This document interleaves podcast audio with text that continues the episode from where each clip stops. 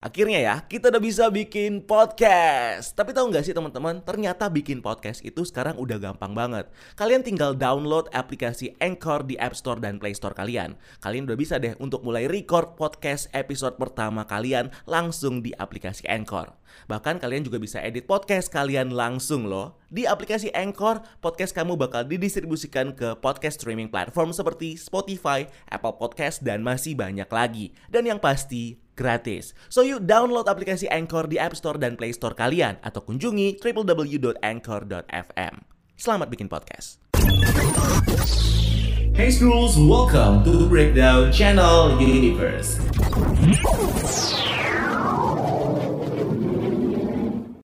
Hai guys, welcome to Breakdown Channel Universe. Film Conjuring 3, The Devil Make Do It jadi salah satu film horor yang cukup menarik buat ditonton tahun ini. Karena beda dengan film Conjuring sebelumnya yang dominan dengan tema supranatural, film Conjuring ini malah lebih fokus dengan tema true crime yang melibatkan manusia sebagai tokoh antagonis utama dalam film ini, bukan iblis atau roh jahat seperti film-film sebelumnya. Nah, ada banyak misteri di film ini, terutama tentang kemunculan iblis dan juga kelanjutan dari film ini. So, buat kamu yang penasaran di video kali ini kita bakal bahas lebih lengkap tentang film ini dan juga seluruh misteri yang ada di dalamnya. Tapi sebelum kita mulai, spoiler warning buat kamu yang belum nonton film Conjuring 3 karena yang akan kita bahas selanjutnya adalah seluruh plot cerita dari film ini. Tapi kalau kamu udah siap kena spoiler langsung aja bareng gua Dika, mari kita bahas topik kita kali ini. Check it out.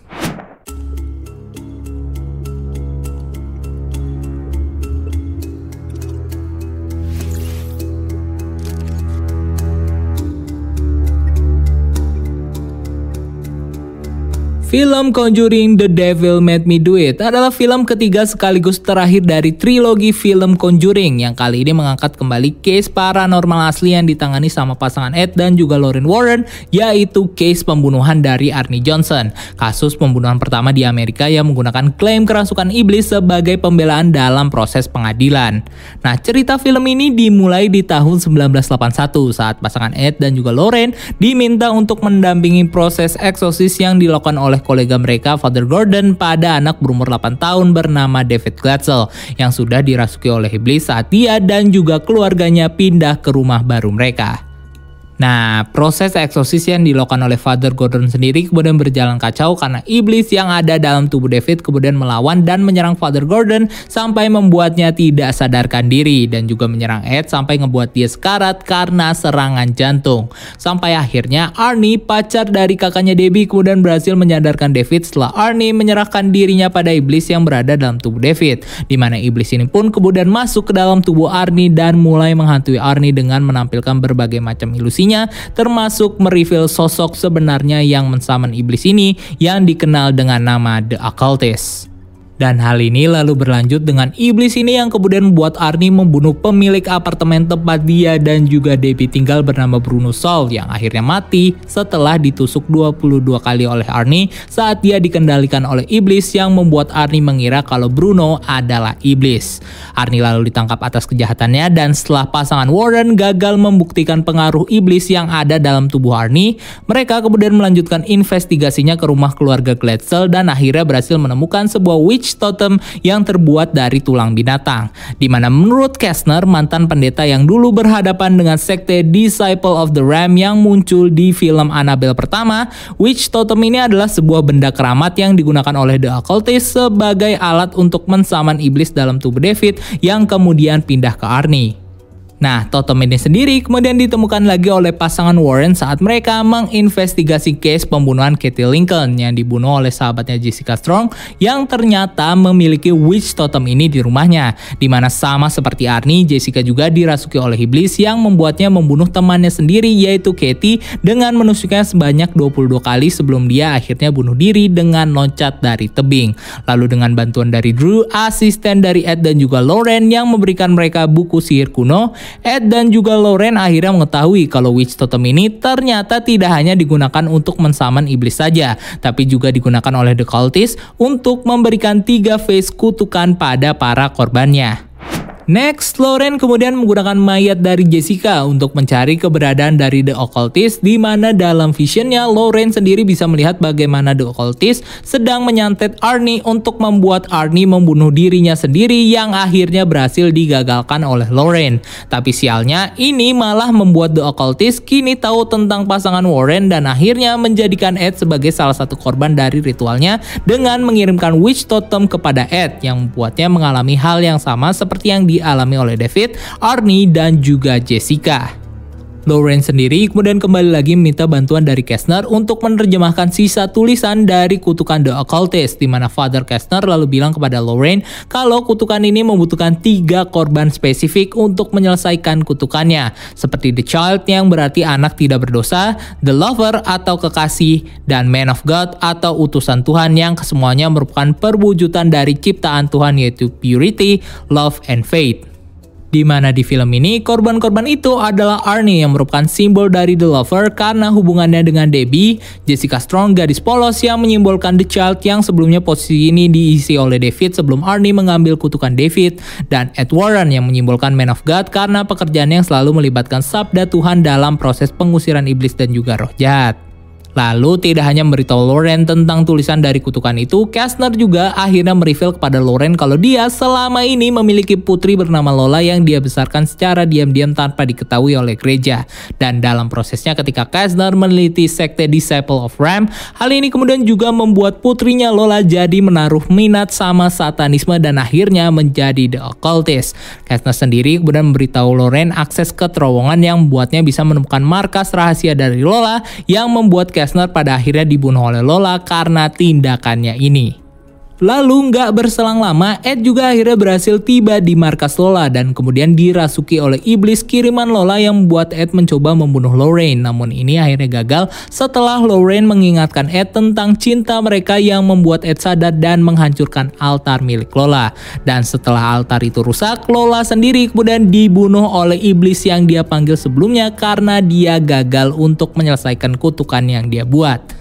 Next, setelah selamat dari kutukan, Arnie pada akhirnya dijatuhi hukuman selama 10 tahun di mana dia hanya menjalankan 5 tahun penjara dan menikah dengan Debbie selama dia di penjara sampai sekarang. Sementara pasangan Warren kemudian membawa piala milik Lola ke ruang artefak mereka yang menunjukkan kita lagi dengan lukisan falak dan juga boneka Annabelle yang kita lihat di film Conjuring sebelumnya. Di mana akhirnya film ini selesai dengan Ed yang menunjukkan Lauren replika gazebo buatannya yang jadi tempat Ed dan juga Lauren memulai kisah cinta mereka sampai sekarang. Yo guys, akhirnya kita punya podcast sendiri nih setelah sekian lama ngepoin tentang dunia per podcastan ini. Eh tapi tahu nggak sih teman-teman, kalau ternyata buat podcast tuh gampang banget. Kelihatannya sih ribet ya, harus rekaman di studio lah, pakai alat yang ribet lah. Nah ternyata nih, kita cuma perlu download aplikasinya aja di App Store atau Play Store kalian, namanya Anchor. Kalian bisa mulai merekam podcast pertama langsung di aplikasi Anchor. Nggak cuman itu, kita juga bisa langsung ngedit podcast kita di aplikasinya. Nah, dari Anchor kita bisa distribusiin podcast kita ke streaming platform lainnya seperti Spotify, Apple Podcast, dan lain-lain. Dan yang penting nih, Anchor Podcast ini gratis. So, skuilah langsung download aplikasinya aja di App Store atau Play Store kalian. Atau bisa juga diakses di www.anchor.fm. So, selamat nge-podcast guys. Nah, menurut sutradara dari film Conjuring 3, Michael Chaves, film ini sendiri sebenarnya direncanakan memiliki post credit scene yang bakal menghubungkan film ini dengan film selanjutnya di Conjuring Universe. Namun sayangnya adegan ini kemudian dihapus karena pihak studio merasa bahwa akhir film ini akan lebih baik menjadi penutup untuk keluarga Warrens di trilogi film Conjuring. Dan ini ada hubungannya juga dengan salah satu adegan yang juga dihapus oleh Michael Chaves di film ini yang ternyata bakal menunjukkan kita sosok asli dari iblis yang disamun oleh Lola dalam kutukannya.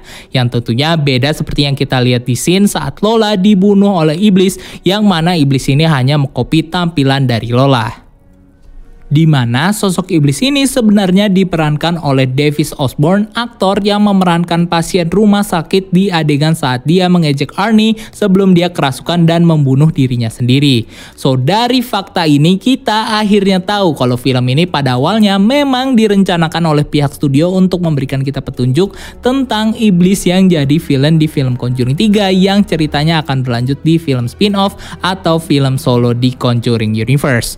Nah pertanyaan sekarang adalah siapa iblis ini? Kalau kita lihat beberapa tunjuk yang memperlihatkan kita easter egg dari Valak yang muncul di kamar Arnie sebagai pajangan dan juga ruang artefak milik Warren sebagai lukisan maka bisa jadi sosok iblis yang seharusnya muncul di film Conjuring 3 bisa jadi adalah sosok iblis Valak. Dan ini juga semakin diperkuat dari bukti yang ada di foto remaja Lola yang memperlihatkan kita sekilas sosok bayangan samar yang ada di jendela belakang Lola yang punya bentuk seperti kerudung biarawati yang sering Falak pakai sebagai penyamarannya di bumi.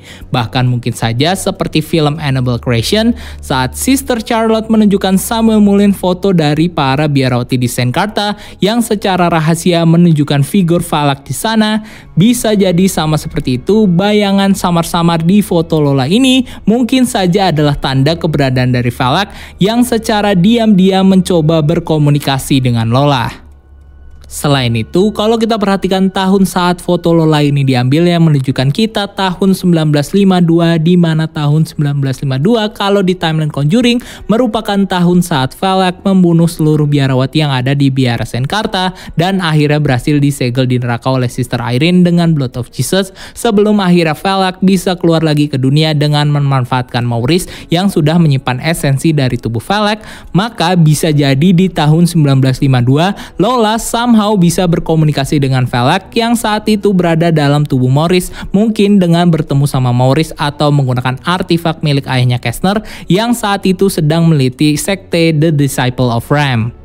Dan momen pertemuan dengan Valak inilah yang bisa jadi salah satu hal yang juga ikut mendorong Lola untuk menjadi The Occultist selain karena pengaruh penelitian ayahnya yang meneliti sekte The Disciple of Ram yang bisa saja disebabkan karena pengaruh jahat dari Valak yang berniat menjadikan Lola sebagai bawahannya. Di mana mungkin saja secara diam-diam juga menyiapkan rencana rahasianya kepada Lola supaya dia bisa tetap eksis di bumi jika suatu saat dia dihancurkan lagi lagi oleh manusia.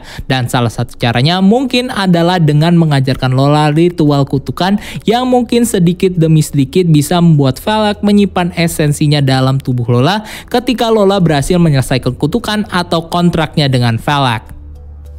Lalu jika ini benar maka bukan tidak mungkin kalau post credit scene dan juga deleted scene yang seharusnya muncul dalam film ini sepertinya bakal menjadi jembatan bagi iblis Valak sebelum dia muncul dalam film The Nun 2 yang kabarnya akan digarap oleh Warner Bros bersama dengan film spin-off lainnya yaitu The Crooked Man dan mungkin berpotensi untuk dibuat triloginya sama seperti film Annabelle.